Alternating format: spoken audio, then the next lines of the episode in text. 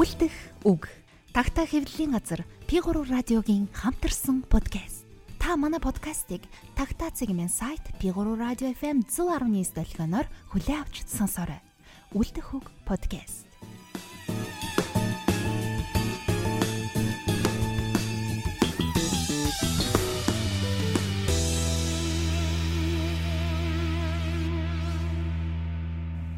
За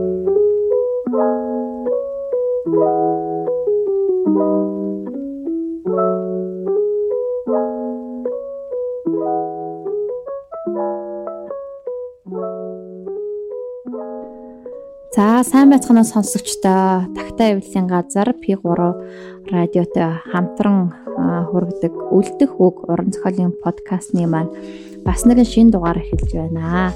За түрүүчийн дугаараараа бид нар а подкастта бас нэгэн жигүүр нэмээд уншигч зохиолчд уншигчд уран бүтээлчд маань өөрсдийнхөө хамгийн одоо таашаадаг өгүүлгийг өөрсдийнхөө хоолоогоор уншиж тэр тухайгаа ярилцдаг байя гэд нэг шин дугаар эхлүүлсэн байгаа. Тэгээд анхны дугаарт маань манай тагтаа авлын газрын ерх редактор Цагаан чулуугийн дэлгэр маягч маань өөрийнхөө нутгийн зохиолч Гүржөвийн нямд оржийн цочоод сэрсэн заяа гэж маш гоё өгүүлгийг уншсан. За энэ дугаарт маань манай мөн тагтаа авлын газрын редактор, орчуулагч Балзар аргачаагийн дэлгэр маань өөрийнхөө бас хамгийн дуртай онцлсан өгүүлгийг өөрийн дуу хоолоогоор уншиж сонсогчтой хүргэх гэж байгаа.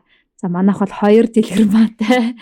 За тэгээд аа дэгийн маань бид хэд жижиг дээг гэж дууддсан шүү дээ. Насаар нь жижиг дэгийн маань жижиг дэгийн маань ямар өгүүлэг сонгосон бэлээ өнөөдөр? За сайн байцгаана уу. Өнөөдөр Чинагийн галсангой рол гэ өгүүлгийг сонглоо. Рол гэдэг өгүүлэг. За тэгээд нөгөө мартаагүй дээрээ энэ студид одоо Бацуурын баясгалан тагтай авилын газар эрхлэгч миний бие. За манай тагтай авилын газар ерхээр доктор Цагаан чулуугийн дэлгэрмаа. Тагтай авилын газрын редактор орчуулагч Базар Ирчагийн дэлгэрмаа гэсэн 3 хүн байгаа шүү. Тэгэд доо халаанаас ялгарч сонсогдохгүй ч магадгүй ингээд танилцуулчихъя. За тэгээд Чинагийн галсан гуайн рол өгүүлэг тий. За эхлээд өгүүлгээ сонсчоо дараа нь өгүүлгийнхаа тухай ярилцъя тий. За тий. Чинагийн галсан рол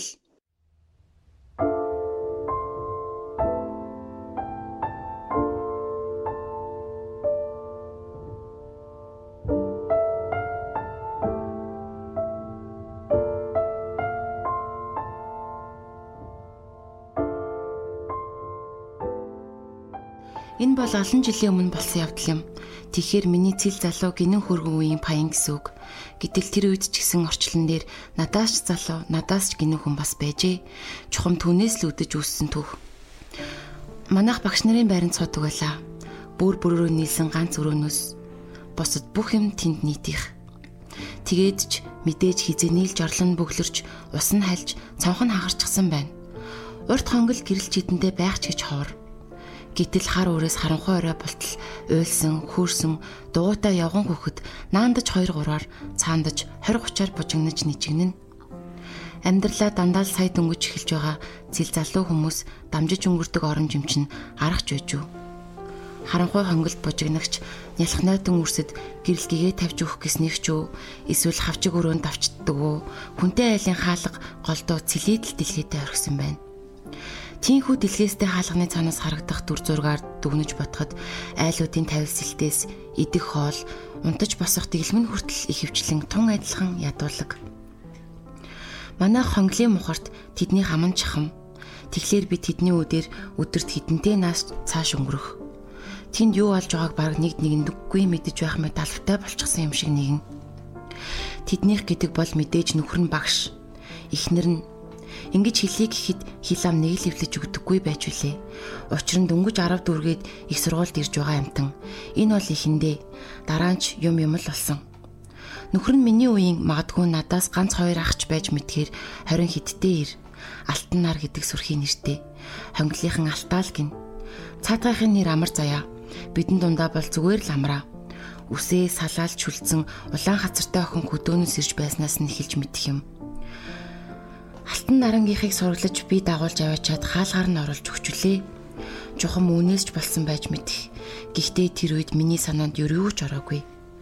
Айл хүн хүнээс айл асуухыг, айл хүн хүнд айл зааж өгөхийг тэр гэхүү. Ах дүүгийнхэн ч юм уу, нутгийнхаа айлд ирж байгаа нэгэн байгаль гэж санаа биз. Огт юм санаагүй ч үж болох. Жаахан ч болтгой сансан юмаа гэхэд ирээдүйн эзэгтэй, ирээдүйн гэртээ ирж байна гэж даанчур мэдээгүй. Мэд тийм ч учир байсангүй. Яагаад тэрвэ гэвэл алтан нарангийнх бол дэлсүүл амтан тэр дундаа балгах дуртай хүмүүс. Гэтэл бас эмгтээчүүд цөөнгөө орж гардаг айл. Тэдний хаалганы цаанаас гадаадын голдуу хөгжим халамцуу хүмүүсийн дуутай холилтонд дулдаж заримдаа ч бүр хөтлөлцөж гултралцсан харчуул хөхнүүд ирж явах нь үзэгдэнэ. Товчхондоо хавтмааргүй нэгм. Гэхдээ энэ бол миний л бодол. Түүнээс биш алтан наран шиг олон найз нөхөдтэй. Тэр үед гарсан нэгэн хэллэгээр хэлэхэд гадаад харилцаанд хөгцсөн хүн гэж тэр байран талаа байхгүй гэхэд болно. Алтан наран ихтэйгээ сун. Хүний ганц хүү юм гин. Ихэн гэж бод сайхан хөгшин. Гэртээ наргаан бужигнаан эхлэхэд цай хоолыг нь бэлтгэж өгчгөөд голдуу гараад ирдэг бололтой. Дулаан бүлээний улирал гадаа суух нь их. Хүйтэн сэрэн үеэр харин дэрэгдэх айлуудаар орж гарч цаг нөхцөн манахаарч орж ирнэ Ходоод дотор тааруухан бололтой хоол идэж базаахгүй зөөлөн сүтээ цайвал харин уучхна. Тэгээд түн дээр сүрхий байрлах янзтай. Сэтгэл гэж гайхад цочмоор цагаан юу л харсан дуулснаа зарлаж л явна. Тэр үед хүүхэд чухтгүй байсан тэдний хаалга хөвчлэн хаалттай байдагч тийхүү хийхэн ярианаас тэднийд болж байгаа юмс хаалган дэлхийстэй байдаг айлуудынхаас дутуугүй бараг л илүү ил тод. Тэгтэлч нэг өдөр хүн ханд бүлтэй болсон юм дуулд атгав бэр хаанаас вэ гэвэл нөгөө хөдөөнөөс ирсэн улаан хацарт охиныг гин. Тэрээр юр үзэгдэхгүй алга болчихсон байснаа үнэхээр л дахиад ирчихсэн байв. Оюутнууд намрын ажлаас бууж ирсний ердөөл маргааш нөгөөдөр нь байсан шиг санагдана. Бардаагаар ботход орхичоод явсан юм хүмүүн дээрээ эргээд ирсэн хөдөөний охиныг манер шууд л өөртөө хийгээд авчээ. Нэг л хэсэгтээ үргэлж газар ширтэн хүний нүрөөд эцлэн харж чадахгүй. Гэхдээ ичингүүрснээс илүү гониглонгуй явсан охины байдлаас би юм дүгнэлт хийв. Удаачгүй адил өнөөх нь хүл хүнд болсон дулдаж гадуур байтугай хонглоор явж харагдгаа байв. Хадам ихийн ярхан гэртээлэн тэднийгээр болтдог байсан хүл хөдөлгөөнч алтан нарангийн балгадагч бараг л хэвээр. Энэ мө охины хичээл сурлах сүуд болох нь гэсэн яриа энэ тэндээс дуулдах болов. Харин хойтон намран дуулбал анги дэвшчихсэн гин Хүүхэд нь аль зунал гарчихсан. Тинхүү 2 дугаар ангийн оюутныг хараад байвал жилийн өмнөх улаан хацарт охин биш, хотын шинж орж сүрхий тэгжин хүүхэн болох төлөвтэй. Алтан наран хаалгатай төдөөг бас хараатай иримаа гэж залуу багш нар бид хоорондоо ярилцаж байсан удаатай. Гэтэл намар өвлөн оюутан бүсгүй ахаад л хүлхэнд болчихсон юм дуулдаад ахаад л бас харагдгаа байцглаа. Тинхүү өмнөх жилийн явдалд автагдаж алтан дарангийнх гэдэг хүү охин хоёртой үнэр айл болвоо бас орох хөстэй ангидаач дэвшээд л орчихсон гин. Чадаж байгаа юмд арга байхгүй гэдэг хэллэг тэр үед гараагүй байсан баг.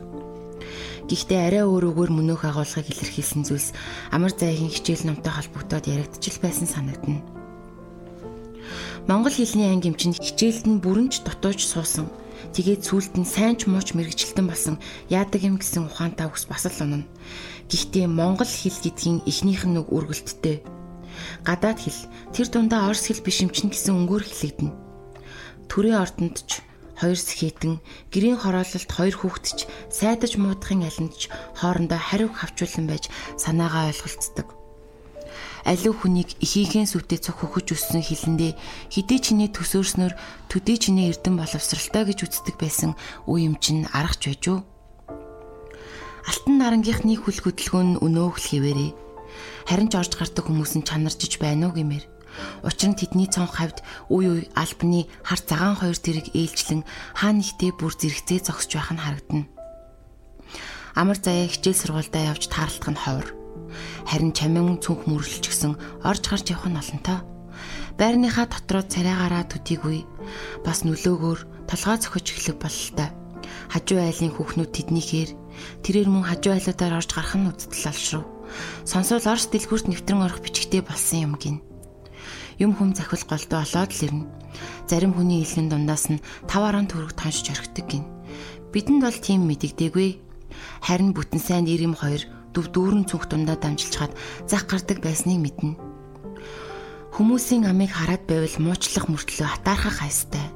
Өөрийн тухайд арын хаалга, далтын сүлбээг эсэргүүцгчийн хувьд алтан наранд улам бүр тал алдаж, тих тусам амар заяагийн улаан хацар салааг эзэгтээ хөдөөний охин явсан үеийг харамсан санах мөртөл хотын зүс царай ааш муутай ухаан хүүхнүүдээс илт ахлах болсонд нь баярлах чиг хачин бодол цээжиндээ тээж явдаг байлаа. Тэд харин юу санаж явсныг мэдэхгүй. Гэхдээ бид хоорондоо урдын адилмын тустайгаа хаяа нэг гэр орноороо оролцвол аяг цайч цуг уучгана. Гэрийнхэн тавилсэлт эцдийнх нь эдэлж хэрэглэгээс нь үзвэл амжиргаан шаггүй бололтой. Дахиад хүүхэд нэмсэнгүй. Нөгөө хоёр нь ч хонглоор бужигнаж түчнэгтэй хүрсэн хөөрхөн амьтад болов. Товчхондоо дутуу дулимгүй амьдралтай айл гэхэд болохоор гítэл аз жаргалч нь гүцүү гих шиг хэрэг мандхан тэрэ. Алтан наран хідэн сарын хугацаагаар хойшоо явсан нь түүний шалтгаан боллоо. Гэхдээ уг хэрэг олны нүдэн дээр ив илхэн эхлэх шиг болсон мөртлөө дараа нь гинэт этгээд хачин байдлаар эргэж нийтийг төөрөгдөлд оруулав. Үүнд би буруутай юм. Тийм ээ би. Гэхдээ эхнээс нь яри. Нөхөр сүдэр нь эзгүй хүүхний хаагур явах хинтээ уулзаж учрах нь нүдэн цотон байдаг бололтой. Амар заяагийн талаар хизээнээс дуулддаг байсан Панз 8-ны тухай жиг жиг яриан дээр одоо бас хормой хотны тухай үг нэмэгдэж дуулдах болов айхтар эвгүй төр төрхтэй нэг залуутай эн тэнд уулзаа зогсож байхыг нь би ч хүртэл хідэн удаа хараад орхив. Тинхүү тэр хоёрыг харах бүр үүнээс арай дээр нэгэн олдоогүй юм бах та гэсэн шүү бодол цээжинд орж ирээд бүсгүй дуур хөрг шиг болдог байлаа. Тэгтэл нэг орой хичээлийн дараа гараад явж байтал хойноос нэг хүн гүцээд ирсэн амар заяа. Тинхүү зэрэгцэж ирээд хин ахаа гингүүд шууд л ярьж гарсныг нь бодоход хилэх үгээ урдаас бэлтгэжээ нөгөө муухай дүртэйгээсээ хүүхдтэй болчихсон. Ахуулыг гэхэд алтан нарангийн найз нарыг гуйх хэрэг болдог. Гэтэл нууц хадгална гэж архитаар суудаг тэдэнд итгэхийн аргагүй гин. Ах чинь юмч томч танихгүй. Тэгээд ч үр тийм нарийн дал зүйлийн хүчрийг олохтой муу шүү дээ гэж гайхшран дуугарлаа. Үгүй би таныг огт өөр үүнээс хавгүй бэрх юмд гуйх гэж байна гэж өнөөгч нь миний тохой хаваас барьж зог тусангууд хилдэг юм байна айх гайхахаас гадна бас сониуч зан хөдлөлөөж гимээр юм уу? Ухаан бодол нэг л сэргэж цочроод явчихлаа. Энэ нь манай үеийнхний бүх юм давын өмнө амьдрал нь урдаас илэрхий зам голдралтай түүнээс гачих хэрэг хинт ч байдаггүй гэсэн тухайн үеийн залуучуудын нийтлэг шаналгаад нэгэн бодол цэежин дотор адал этгээдийг эрэлхийлэх дэврэн хүсэлтэй минь хагаралдан харшилтан явдаг байснаас ч болсон байж мэдэх юм. Юу ч гэсэн би түүнийг анх удаа ирээ цэргүүл авлан харлаа. Хэдэн жилийн өмнө миний айл зааж өгч байсан хөдөөгийн улаан хацар тохноос бараг юу ч үлдсэнгүй.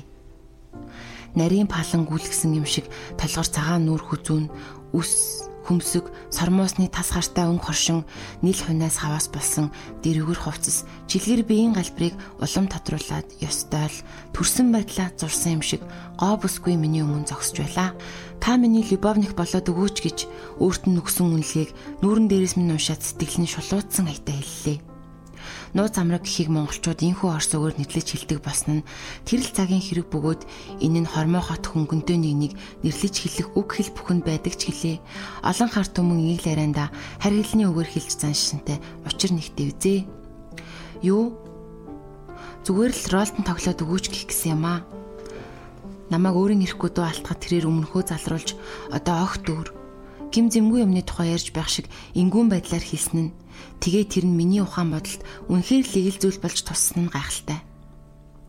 Хожин ботход санамсаргүй байдал оногдсон нууц амрагийн нүгэлтэй ч гэсэн эрхэм өндөрлгөөс орлон жүжиглэгчийнх нь гим хоргооч гэсэн шалахгүй байранд тийм хурдан боосондаа миний бие цочирджээ. Тэгээд би хэлснийг нь эсэргүүцэлгүй сонслоо. Түүний ярианаас миний ойлгосон зүйл гэвэл үрийг 3 сартай болгож байж хүндэн гэсэн танил эмчийн амлалтанд тавьшраад яваад байтал яг цаг нь болоход цаадах нь яаралтай юмд яваад өгсөн.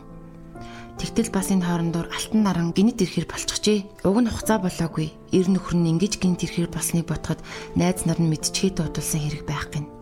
Ингиж баригдах дээрээ тулахдаа жинхэнэ хулгайчийг биш харин намайг барьж өхөр шийдсэн сонин бөгөөд миний хувьд нэг талаар шудрах биш хохиролтой юм шиг мөртөл нөгөө талаар бас магтаалж хүндэтгэлж юм шиг.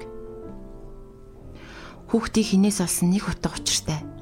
Муухай дүртээс би ингэж нэрлэв. Муухай дүртээс гэвэл даанчдээ. Очиж очиж тэр хогийн амтнаас өгж гутран гайхахтаа хүрэх. Сүүлд юм л бол түгээр нь дуудах.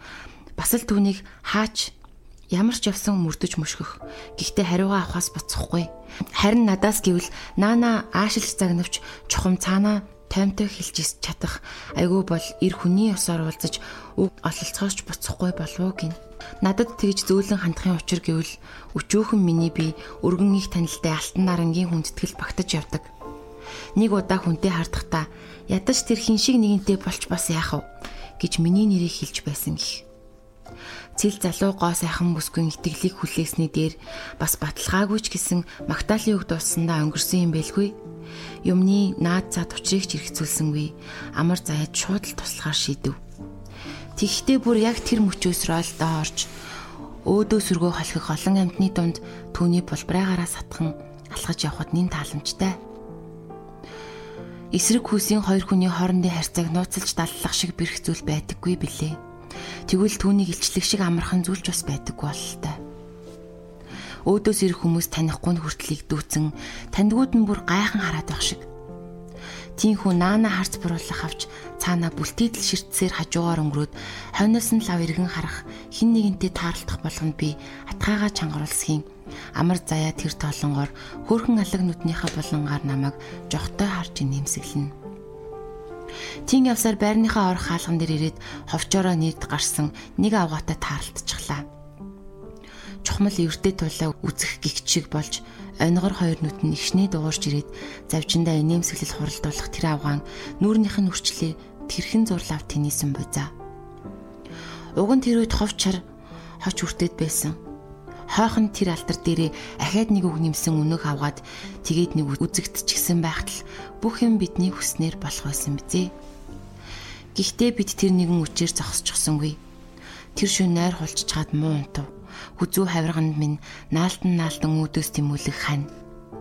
Цаана нь нэг үрийн гурван ангахаа адил нүмер нүмертөө шигдэн бүндийтэл нойрсох гурван нялх хүрийнхэн амгалан амьсгалахыг чагнаа хөвтгöd гимт хэрэгч хийчихсэн юм шиг. Гэтэл бас нэг нь нөгөөгөөсөө ялгарахгүй игэл бор хоногуудад дуусан шингэж хаяа хатавчаараа шуугдаж эхэлсэн залуу наснда харамсан амьдрал сэтгэл дундуур явтал гинт тохиолдсон адал учирлыг цаашаа гэхэд зориг нэг л хөрөнгөгүй. Маргааш намар заяа бүр үдээ сурт завсарлагаагаар хурж ирлээ. Нэг тэнхмийн багш нарын харцнаас ихэндээ бяцхан далтармаар байснаа ройло санангууд зориг орж намайг сансаар яваад ирсэн бүсгүйд баярлав. Амраа намайг гэртээ хүлээж байхаар болов. Хадам их нь хизээний сүд болдгоороо надад юм идүүлж болох гэж бэртээгээ зэрэгцэж ирээд хөөрцөглөнө Тэдний охин нь зөрүүд итгэхэд даран шинтэй хүүхэд мөртөл хүүн харин бишүүрхэг тунирхыг мэдэхгүй хөөрхөн амтнасанж. Бяцаан царай өгөөд орхисон чинь дорхноо миний өвөр дээр гараад суучглаа.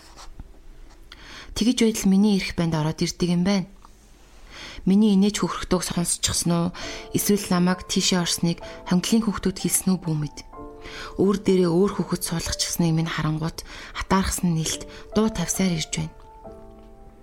Гэтэл амраа түүнийг зам зураас нь шүүрч аваад уйлах дулахын завдал өгөлгүй аманд нь чихэр өмхүүлчихлээ. Хүүхэд гэдэг өөрийн ухаантай амтан ятгахнаа амандах чихрээ дуустал эвгүй ажиллахгүй байхаа мэднэ. Хоёр хүүхдээ тэгж сольж тврээд өөд өөдөөсөө харж сууж байтал миний толгойд хачин бодол орж ирлээ. Миний хүүгийн ээж Амрагийн хүүгийн аав гэдэг хүн орчлон дээр байхгүй байсан бол бид хоёр үнэхээр ингээд л хідэн хүүхдэд хальцалж тврээд нэг дөрүлчин даж төрөх байсан байх та. Тэр бодлосоо дорхноо айхтар цочид сэжиглэв. Хэдхэн сарын өмнө хуршийн залуу сайхан хүүхэн өнгөрч өгсөн эр бэлэвсэрч хүүхэд өнчрөх гэдгийг би харсан билээ. Ингиж бодтол тус эрдний минь үе үе толгой өдлөө гэх нь сэтгэл зэрхийд л ороод ирлээ. Үнэхээр түүнээсээ салчихвал 3-3 улаан цар амтантай би гэдэг хүн яах вүлээ? Нэг мэдсэн чинь нулимс гараад иржээ. Гэтэл гайхалтай нь тийм атал тоглоомоо дуусгая. Өгсөн оролт чинь жүжиглэж чадшгүй гэж амар заяад хэлж болсонгүй. Ядахтаа бас үнэн учраас тус эрдэндээ гаргаж хэлэх ухаан байсангүй. Тэхээс тэг гих шиг оройн намраатай хойл үзүрт яв. Хиросимын чулуу гэж айхтар мэнгэлтэй кино гарч чухам хинэн ихснийг бүүмэд дунд хаваас нь хойш бараг зогсолтгүй уйлалцаар дуусглаа. Гараад ирвэл шиврээ бороо ороод өнгөрсөн 5 дугаар сарын үчийн агаар бүл бүл долгилох айдаад харих дураалга. Тэгээд толгоо хандсан зүгт алхасаар байгаад нэг мэдсэн чинь шүндүл өнгөрч байлаа. Тэр шүн намраа өөрийнхөө амьдралын туужийг ярив. Тэр бол богинохон мөртөл эмгэнэлтэй тууж юм.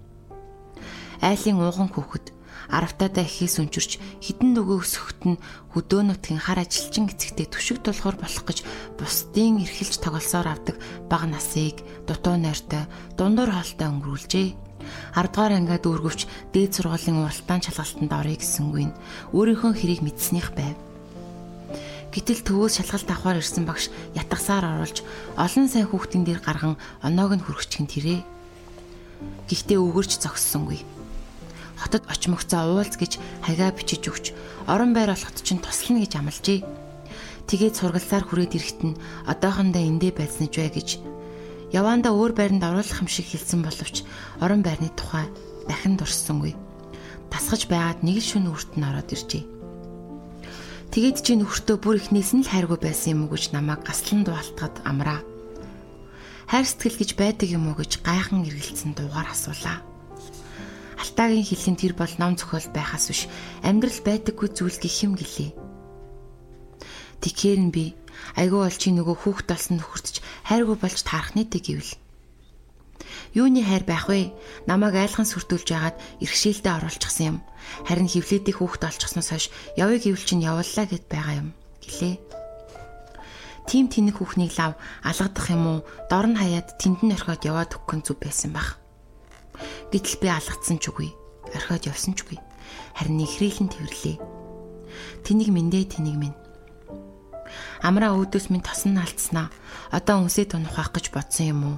Нүүр хушууга өвчүү сугруу минь шигтгэжгээд хавхарч өгдөггүй. Тэгж тэгж санаа алдснаа.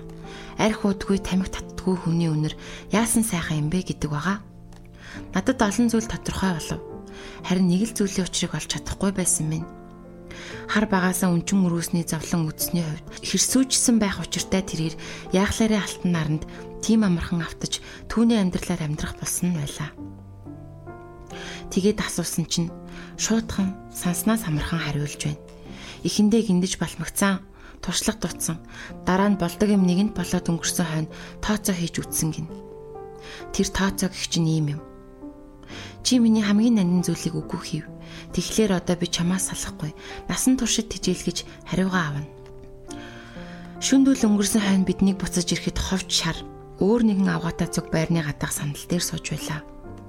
Бидэндээ дуу хадаа мэдлээд яасан орой ирж байх юм гэж асуух нь өглөө босоод зарлах зараа уул мөрийн баримтаар баяжуулан баталгаажуулж байгаа нь тэр үзээ.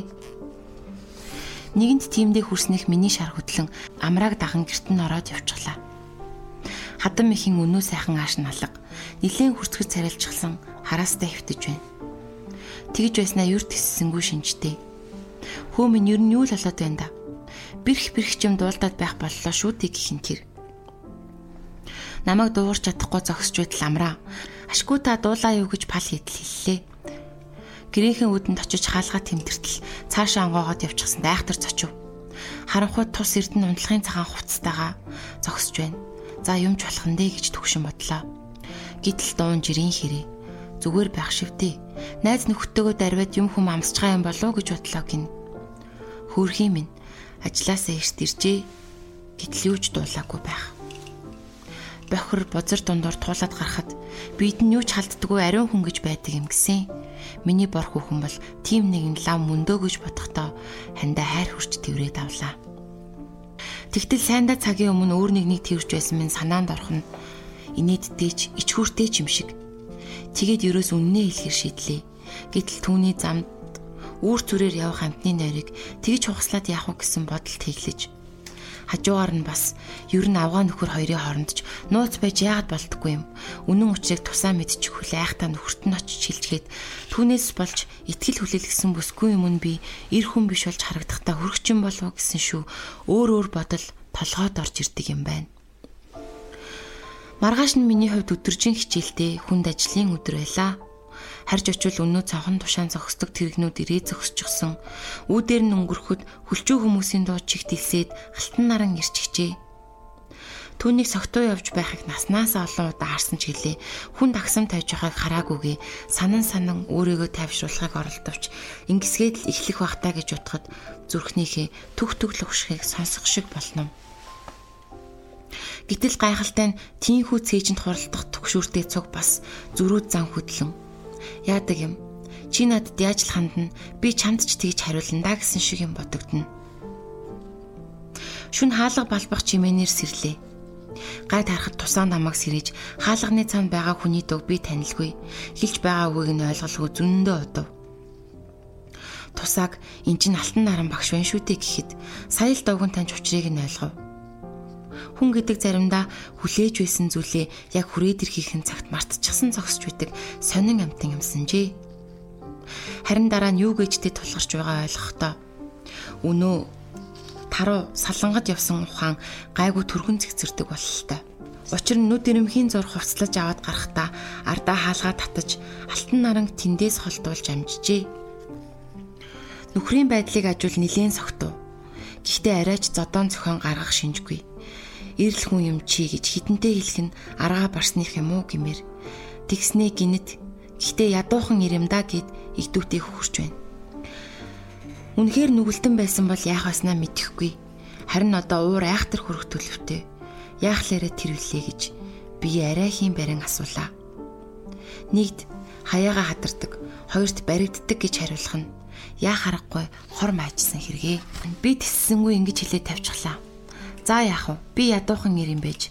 Харин чи өөрийгөө юу гэж бодож байна? Аваал их нэрээ бусдад алддаг хүнийг ир хүн гэдэг юм уу? Чи бол октоос ир хүн биш. Чи бол архины шил, тамхины сав. Тэрч байтугай чи бол өрөөс хүн биш, залын хөрөнгө. Худлаа гэвэл шүнжин үрд чинь юу бодож хөвтдгийг нь цаад аваагаас очиод асуу. Ийм үг сонсоод маань нэр ирж оцров. Царайн цайчхаа зогсож байхын сохтуун гинт гарчсан юм шиг. Түүний байдлыг хараад би гинт балмагдаж өөрөөсөө айж уцрав. Цаанаа хэрэг хийгээгүй нь яах вэ? Нэгэнт хэрэгтний рол авчхаад хохирогчийн өөдөөс улаан галзуутай арч байдаг яасан амир хүн бэ би. Харин сүүл ботход ролоо би ихнээсээ ойлгоогүй. Хэрэгтнийхийг авчхаад гавьяатных гэж бодож явснаас тийхүү өрөөл байтгаа үртөг хүртэл ойлгомжгүй хаашилжээ. Найзаа хоёлаа эв зүгээр ярий энэ үгийг надаас гарлаа гэж уншиж бодсон байж мэдэх. Үгүй алтан наран түүний хэлв. Тийм аргаа барсан гимэр зүйл амьдрал бишгүй байдгийг мэдих хүн бол мэтгэл баг. Тиймдээ нэгэн төрснийх хоёул нэг хэсэг үнэхээр ив зүгээр ярих шиг боллоо. Өөрөөр хэлэхэд тэрээр уужим сэтгэл тохирогчийн би гимээ ухамсарласан хэрэгтний рол жүжиглэв. Надад хоёр зүйлийн үүрэг хүлээлгэж хариуд нь бас төчнөөнийг өөртөө хүлээж байгаагаа мэдэгдсэн нь Миний зүгээрс маргааш эргэж яваад сарын дараа буцаж ирэхэд нь үрийг хөндлүүлсэн байж байх. Одооноос эхлээд амар заяатай харилцаагаа бүр мөсөн тасалсан юм шиг явах. Түүний зүгээс надад юм санахгүй. Мөн намайг өөрөө хүссэн тохиолдолд найздаа хэлээд аспирантурт явуулж өгөх юм гин. Тэр үүрэг гих чинь нариндаа юу болох? Яавал биелхийг тэрхэн өдсөөлж чадахгүй байсан хэрнээ хийснээр нь би зөвшөрлөө. Тэгээ тэр тохиролцсноо эр улсын ёсоор тэмдэглэх юм болж тэдний дорлоо. Ороод ирвэл гэрэл асаалттай. Шалаар нэг гутал хувцс шил шаазан. Ихэн нэг талд хоёр ачигаа цаанаа ташраар нь хийж авсан. Амраа нөгөө талд ганцаар хин хин хойшоо харчихсан хүнжилт ороос оройн цухах төдий. Алтан наран ин тэнд очиж шүүгээс авангоолгож үтснэ. Алин үлдсэн юм байвал гаргаад ирэхэд захирангууд уурлаа. Амрааг сэрүүн байна гэдгийг би мэдвч босох батгаа хөдлөхгүй гэж бодож байлаа. Гэтэл дуурангууд нь үндэж босоод ирлээ. Тэгээд орон дороос дундаа орсон арх гаргаж ирээд миний урд тавьж байна. Өрөөс нь нүд нь булуу болтлоо хавджээ. Хазар нүрэн шал нотон үйлсэн шинжтэй. Гэтэл нөгөө эрүүл нүд нь хуу хуурай. Харин хилч хэмчийн аргагүй гэмээр их гуниг агуулжээ. Яг тэр их шинд өөд өдөөсөө харан суусан алтан наран бит хоёрын хэнийх нь уур илүү хурж байсан юм мэдэхгүй. Тэгээ тэр уурандаа хундгалж өгсөн архийг нь өндөрч орхив. Тэгтэлч хэрэг биш төв. Тэгтээ түүнийг алтан наран санаачилж би гүцэв. Түүний хэлэх нь юунд орчин хүрээд байгааг би мэдж байна. Миний учруулсан хавдраа аяндаа алга болчихно. Харин алга болох нь бүхэл улам томроод байдаг хавдраа чи арилгаж үз. Гэхдээ яах вэ? Тэр хүртлээ наад муу гаднаач дотрооч хавдар болсон хүүхнийг сайтар идэлж ав. Би түүнийг сандалтаа нарагшаага онхол тутал алгаджээ. Замд ширээ сандал тэглээд дахиад гар хурж чадсангүй. Босоод тойрч явтал их амраа хоёр хүрээд ирч гисэн. Бид хоёрыг нэг нэгээр нь бариад авсан байв. Тэрээр намайг ажлаас минь би түүнийг амар зайгаас саллахыг хоёр биедээ харилцан амлаад салцгаав. Залагдаж наргиж яваад ирлээ гэж би тусаадаа худлаа хэллээ өмнө нь хаалгыг тэгж нүдснийг одоо миний оволцтлаа тогтолсныг мэдсэн хэрнээ миний тэр худал өгөнд итгэж орхилоо тэнэг чинь. Маргааш өглөө нусны өрөөнд алтан дарамтай таалтчихв. Дэрэгдүрэн зөрүүд гарах гэсэн чинь замд хүндэлсэн. Би өнөөдөр буцлаа. Дараа нь болсныг мартах ухаан ухаан чамд байгаа бол өмнө нь тохиролцсондоо хүрэх чадал надад бий гэж байна. Би надад тийм боолын ухаанч чамд тийм шидийн чадалч байхгүй юм чинь гэж хэллээ Маргааш нь харуул тэр буцаагүй байлаа. Хит хоногийн дараа сургууль дээрээ амраатаа таралтчихлаа. Алтан наран өчигдөрхөн буцсан. Өөр өнөө маргаашгүй эмнэлэг твтэх байх гин. Хинийгч байсан. Заяасан үрээ битгий хөндөл. Юу ч тохиолдсон. Харьгуу нөхөртөө битгий насаа баргалээ. Тэрээр өөдөөс минь хэсэг ширцснээ үл мэдэг толгоос ихсрэв тэгснээ яваад өглөө. Нэг өдөр амраагийн хатам их намайг товсон уулзав. Гэрээр ороод тооч гин. Ороод очтол бэр нь ялхарчихсан царайтай орондоо хөвтөж байна. Ойртой тэр гихлээр нь очиж орных нь ирмэг дээр суулаа. Имлэг дээр хоноо төрүүхэн гарч ирсэн гин. Хаалга онгон тусаа ороод ирэв. Босог алгаснаа дорой хөсчих шиг боллоо. Царайн цонхийчихсан уруул ам нь өмөлдөж байна. Босыг идэл би босч болтгүй. Тэгж байтал тусаа хоёр гар нь унжсан чигээр дорой мэлмэртэл уйлж гарах нь тэрээ. Сая л би босч очлоо Миний аргатхыг сонсч мэдж байгаа шинж алга. Илдээ үгийг чихээр сонсовч атаархсан авгаа нарын л хов жипиз гэж бодоод юр итгээгүй юмсан ч одоо харин нүдээр үзэж итгэв гин. Намайг тусаагаас сухтан тэднийхээс гарахад хонглоор нэг авгаа хөхөн яриагаа зогсож байв. Сүүлд болоход ховч шар тусааг гэрээс дуудан гаргаж ирээд алтан нарангийнх руу хөтөлж аваачаад оруулсан гин. Тусаад би хамаг үннээ амар заяаг тэрснээ хүртэл хэллээ. Даанч сонсохчгүй өөдөөс толгоос ихсэрнэ Тэр тоолонгоор бас уйлж умжих тул сүулдэ тэр тухай ярихаач боллоо. Арга ядахта би амар заяаг аваад ирээ. Эмэгтэй улсын үгээ ирэх биш ойлголцох болов гэж зүзлээ. Огт нэмэргүй. Харин ч уцаарлаж чиний хэлснийг л хэлнэз барааг нь харахч хүсэл алга гин. Тэр чигээрээ тайдгарахгүй байсаар сүулдээч бүр солиорох шинж орж имлэг твтлээ. Би өдөр бүр эргэж очивч янз нь намайг тийхүү ирлээ гэж баярлаж байгаа шинж алга. Тэгэхээр нь хүүхдүүдийг нь аваач чүчгөөд өөрөө холхон байдаг болов. Би энэ гайгүй болж намайг ч хашиглахаа байсан хонь нэг өдөр үнэхээр гимгүүгээ бас л хилээд үзлээ. Гэтэл өнөө л уйлж умждаг нь эхэлж заавал худлаа яманд хүн итгүүлэх гэдэг чи юу яасан бэр хүн бэ? Би чамайг уучлсан шүү дээ. Хоёлаа энэ тухай дахиж хизээч ярихгүй гэж тангархах уу гэдэг юм байна. Тим хүнд чинь би юу гэх вэ? Тангаргалсангүй мөртөл эсрэгүүцсэнгүй. Үнэхээр тэр тухай дахиж юр дурссангүй. Намар би ажилласаа халагдлаа. Ёс суртахууны доголдолтой гин. Хувийн хэрэгт бичжээ. Ажил ирж олон газрын хаалга татаад бүтсэнгүй. Тэгэхээр нь хөдөө явлаа. Тэнд бүтэн 14 жил болов. Хотын охин тус эрдэнэ намайг дагаж тэр олон жил хөдөө ажиллаж амьдрахдаа дотроо юу санаж явсныг мэдэхгүй. Ил гутарсан юм уу? Зэмлсэн үг түүний амнаас гарч байхыг би сонссонгүй. Үр хүүхэд нэмэгдэж төрүүчээсээ өсч өндөй Тэгтэл нөгөө өмнө нь халсан байгууллага өөрөө санаачлан хотод татж авлаа. Цаг цагаараа байдаггүй гэдэг. Цаг тэгээд үнэхээр үр болсон юм уу гэтэл бас үгүй ч юм шиг. Алтан нарандыг эрдэмтний зэрэг хамгаалж хилцийн дараах хэдэн жил хийгээд орлогч сайд болсон. Одоо бас докторийн зэрэг горилсон бүтээл туураж байгаа гин. Авгаан албан тушаал гавьяа цол нөхрийнхийг дагдаг жамаар амар зайж байранда байгаад байсангүй өгсөн өгсөөр тусгай хангамжтай нэгэн байгууллагад тасхийн дарга болоод байгаа аж. Иймэрхүү ил түүхтэй ороодолцсон бараг нийт хүний хувьд ажил амьдрал нь өөдрөг яваа. Энэ 1900 тэдэн оны орой намар цаг түүний хоёр гол баатар нийслэлийн нэгэн зоогийн газар нэг үчийг цуг өнгөрүүлв. Тэр үчийн учрлыг сайтын авгаа санаачлан бүрдүүлжээ. Амар заяа хөдөө хөхөрч гадаа гантхыг үтсэн олон хүүхэд төрүүлж өсгсөн тус эрдэнийн дэргэд охинороо үлдсэн юм шиг атал. Намб ухаан хоёроо түүнийг дагуулхааргүй айхтар авгаа болжээ. Чамтай уулзаж хідэн зүйлийг асууя гэж бодож явсан юм юмсан ашгүй. гэж ирээд ширээн цусныхан дараах Хизээд хамгийн бэрхэн байдаг ихний хоронд би хэллээ. Тим чухал зүйл байдаг л юм байж дээ гэж тэрээр гайхшингууд уурснаа гин тний далтан. За яах вэ? Үлгэрт гардгаар гурван асуултын зөвшөөрөл олохыг хэлээ. Би ярилцлагандаа шууд орлоо. Эхний асуулт. Хотын төрөмгийн ирээс хөдөөний бүрэг охин хариугаа авч гүйцсэн үү? Юу хариулээ? Хариулахгүй байж болно. Удаах асуулт. Үр хөндүүлснийхаа маргааш чи намайг яах гэж дуудулсан юм бэ?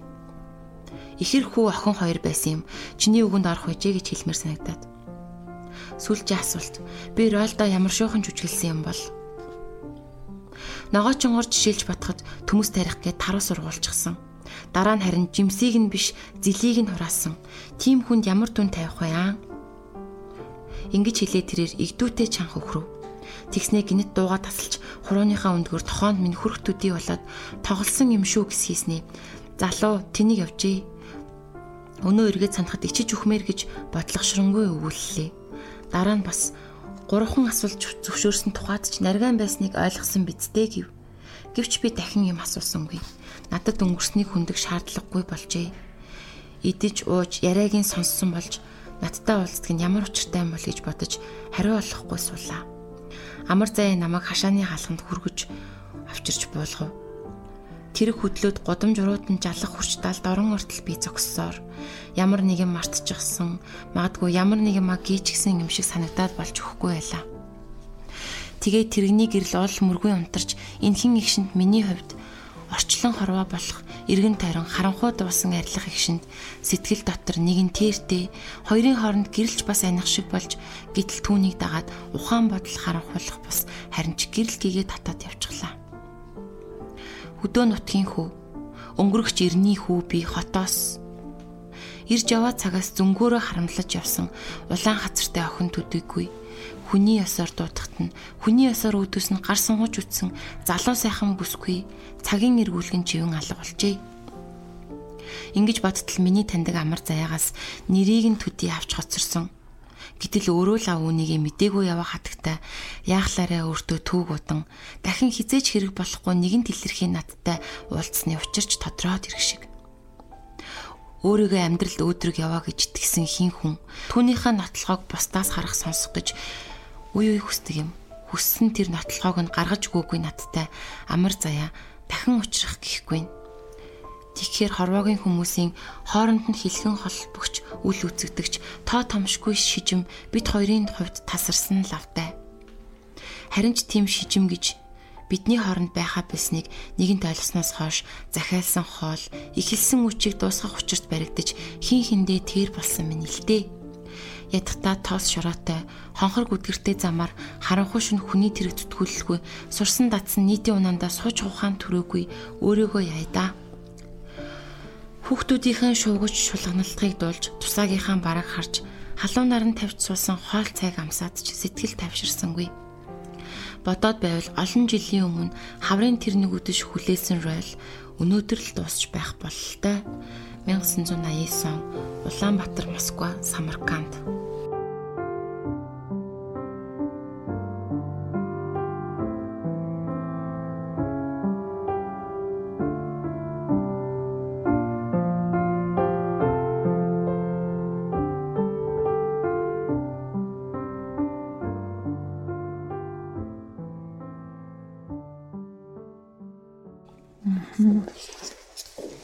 Аа зохиолчд ингээд бичсэн аюугаа газар он сар хадаг тавьдаг соёлтой байж тий. Төрөө нас түнэл түнэлд бичсэн юугаа төрөөчийн подкастаар бас хэмгэлсэн байсан шүү дээ тий. Гурж байна юм дарж байгаа.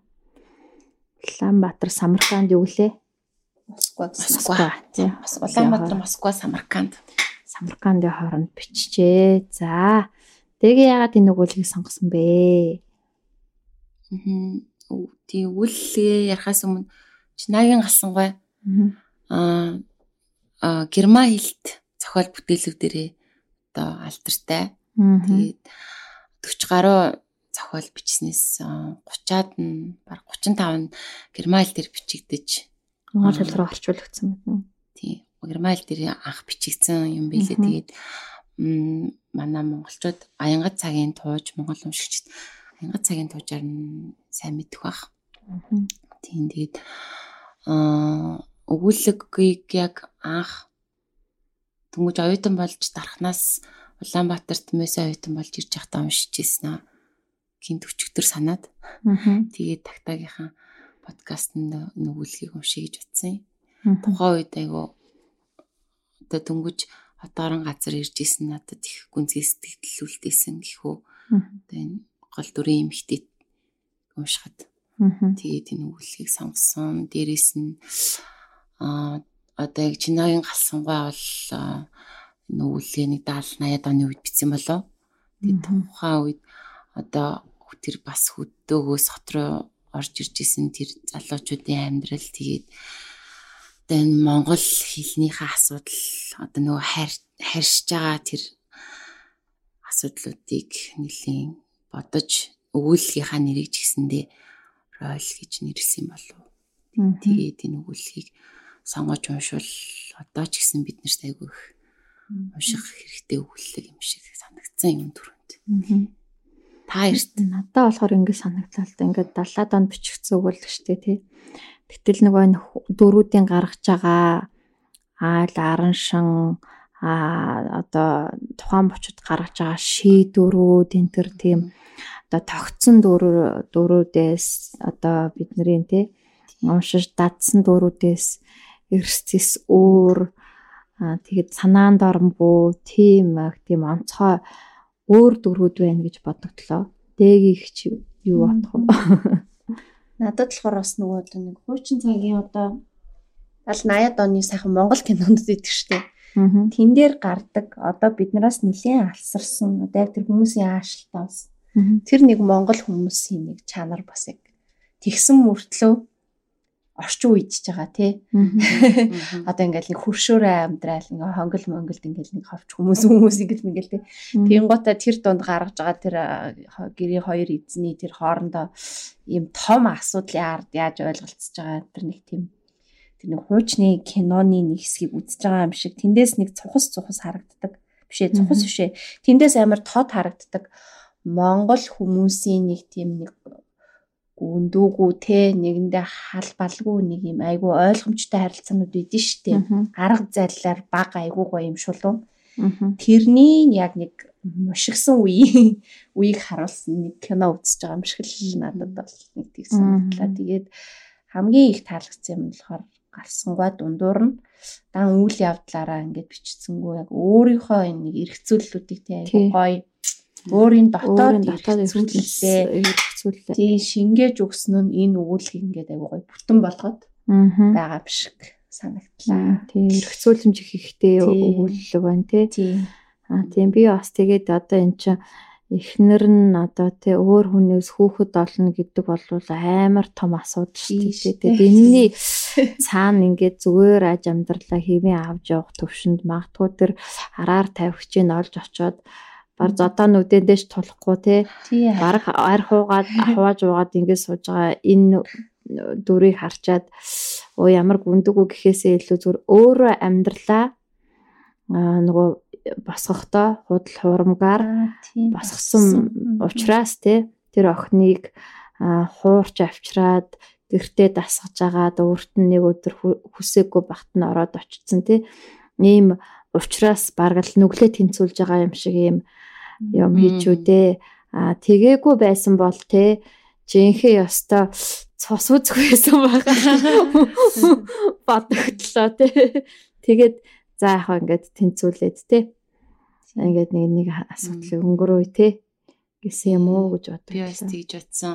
Одоо тухайн үеийн нийгэмд чинь багш хүн тэгээд өөрөө гэр бүлтэй тэгээ хүний ихнэр одоо ингээд ураад татсан эрэхт ороод а сүлд нь одоо бүр ингээ хэрэгт ороод ажил төрөлгөө болоод 14 жил хөдөө явсан гэж байгаа шүү. Тэгээд нөгөө олны одоо нүдээр бол хамгийн яс суртахуунгүй одоо юу дүрд тоглож суртахуунгүй хүний дүрд тоглосон гол дүр нь. А тэгсэн мөртлөөсөө хамгийн хүнлэг яг го сониуч зан ч гэсэндээ зулгаасан ч гэсэн ер нь хамгийн хүн ясаар тэр хүнд хандсан. Энийг энэ хоёрыг ингэж хэсэгцүүлж бичсэн нь айгу Аа тийм тэгээд нөгөө нэг зохиолч маань өөрөө айгүй мундаг. Ягаад тэгэхээр одоо нэг хөршөө охин хурж ирээл ингээд тусамж гуухаар нь айгүй тийм халамжтай хайрт эцгийн тийм инстинкт нь хөдлөөд гинт амар тус хүргэсэн ч бас биш те бас нэг сайхан бүсгүй хүрээд ирээд ингээд нэг юм гуухаар бас өөрөө өөрийнхөө одоо нэг хэр хүний хувьд те нэг үнцнээ мэдрээд ч юм уу эсвэл өөр яг тэгж хэлсэн байсан шүү дээ. Ингээд тогтоод ингээд нэг байрангашаа амьдрал дээр шинэ юм ороод ирэхээр бас ч гэж бас нэг сэтгэлэндээ догтлоод те бас нэг бас юу ч үлээгээд бас нэг үзчих гээд те саваагүйтэй саваагүйтэй тий. Тэр нэг иймэрхүү юмд бас явж байгаа да. Тэр талын бас гэлхүү бич бичсэн нь тий.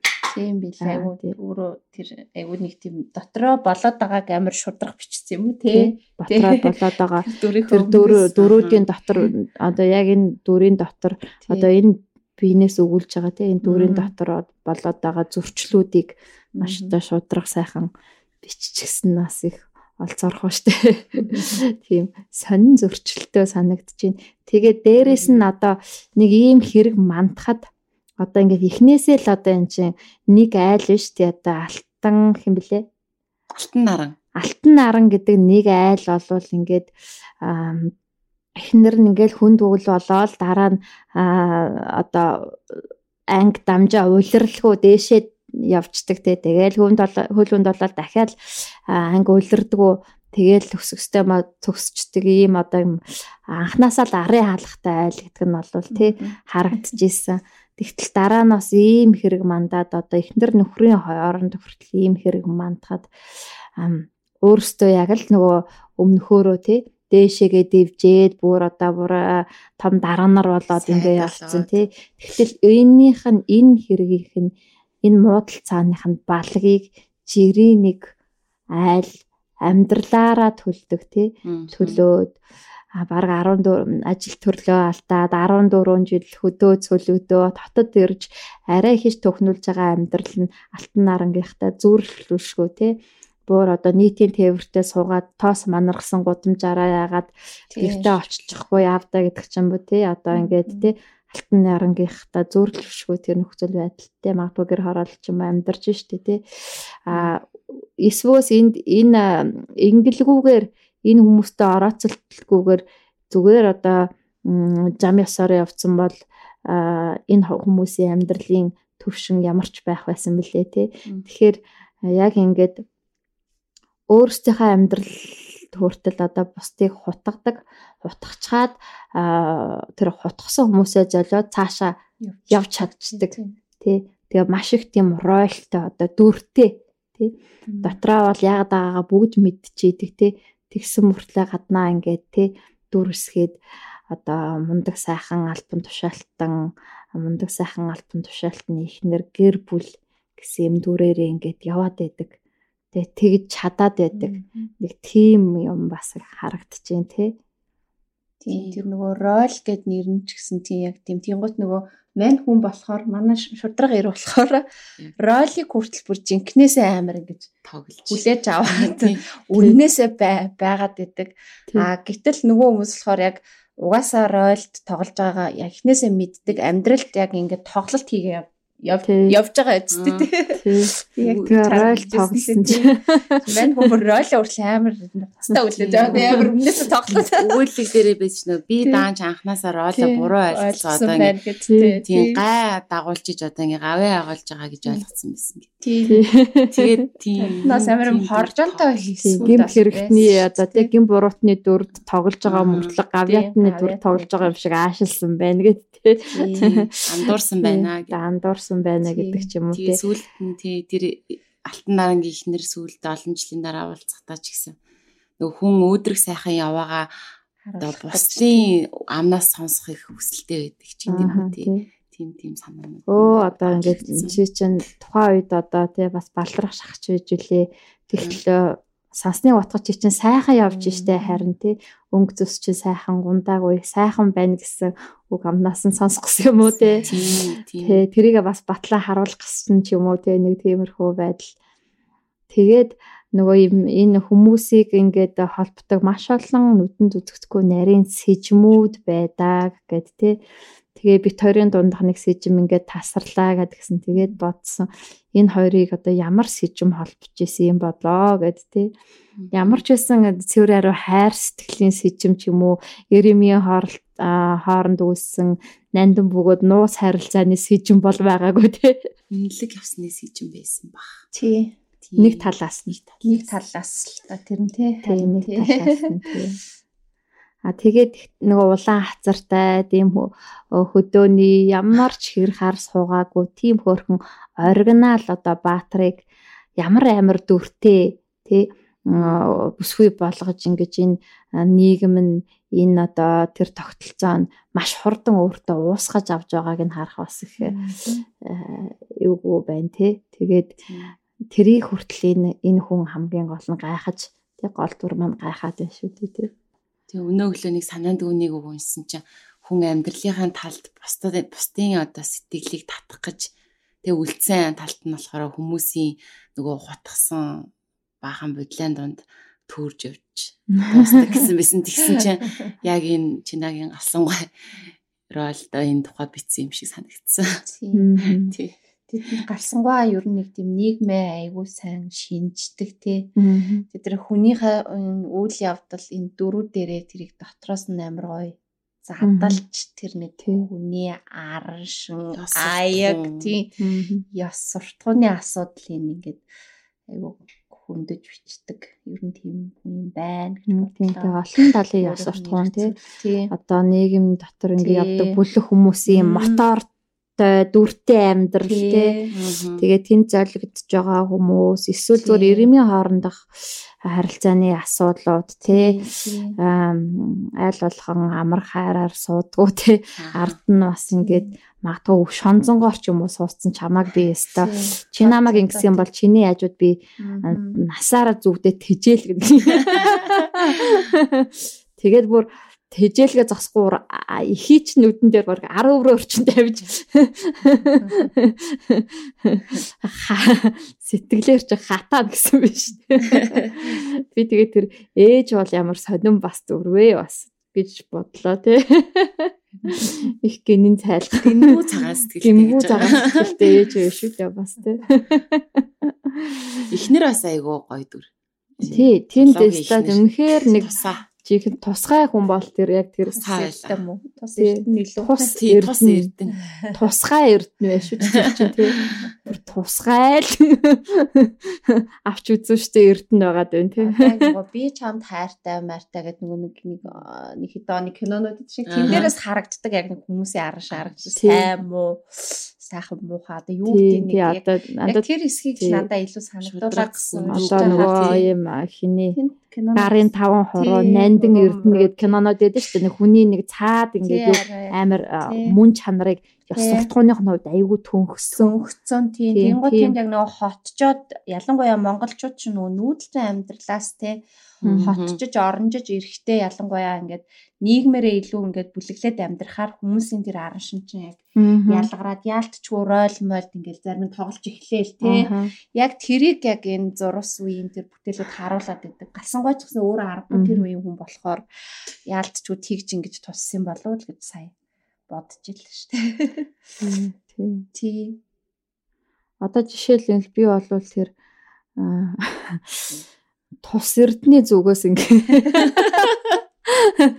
ботхоор Бас эртний яасан ч цайлах юм. Хүмүүс ядаа цайлах гэдэг нөхөртөө итгээд яагаад гэдэг те. Тэгснэ дараа нь хөтлөж оруулж байгаа шүү.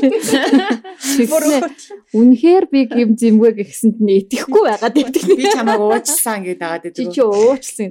Тэгснэ айл айл нь тэгээд гимгүү цагаан нь гимтэй харан ч гэсэн за энийг мартаа цаашаа явъя гэдэг хаа те. Тэр болохоор ингээд одоо бол бид тэр угаасаа салыг гэх бах те. Тэр тухайн үед гэр бүлээс сална гэр бүлийн асуудалтай байна гэдэг нь өөрсдийнх нь нийгмийн асуудал төдийг өөр хүүхдийн нэрээдөө бүх юмд нь маш том хаалт маш том хэцүү асуудал болдог учраас одоо хүлэг тийм далаад гарсан хүлэг онгоц дундаа яаж цоорсон хагарсан мөргөлдсөн эвдэрсэн хамаагүй. Ямар ч байсан сэлсээр байгаа л энэ амьдралын заадалт нь одоо гарыг л гэж үздэг байсан үе юм тий тийм социалист нийгмийн үеийн нэг иймэрхүү гэр бүлийн сэтгэл зүйн хувьд бол сан зүр зүрхүүд юм харагдчихэв тийм. Тэр нэг аав найл айл доороо суудсан байхад араас нь дагаж ирдэг.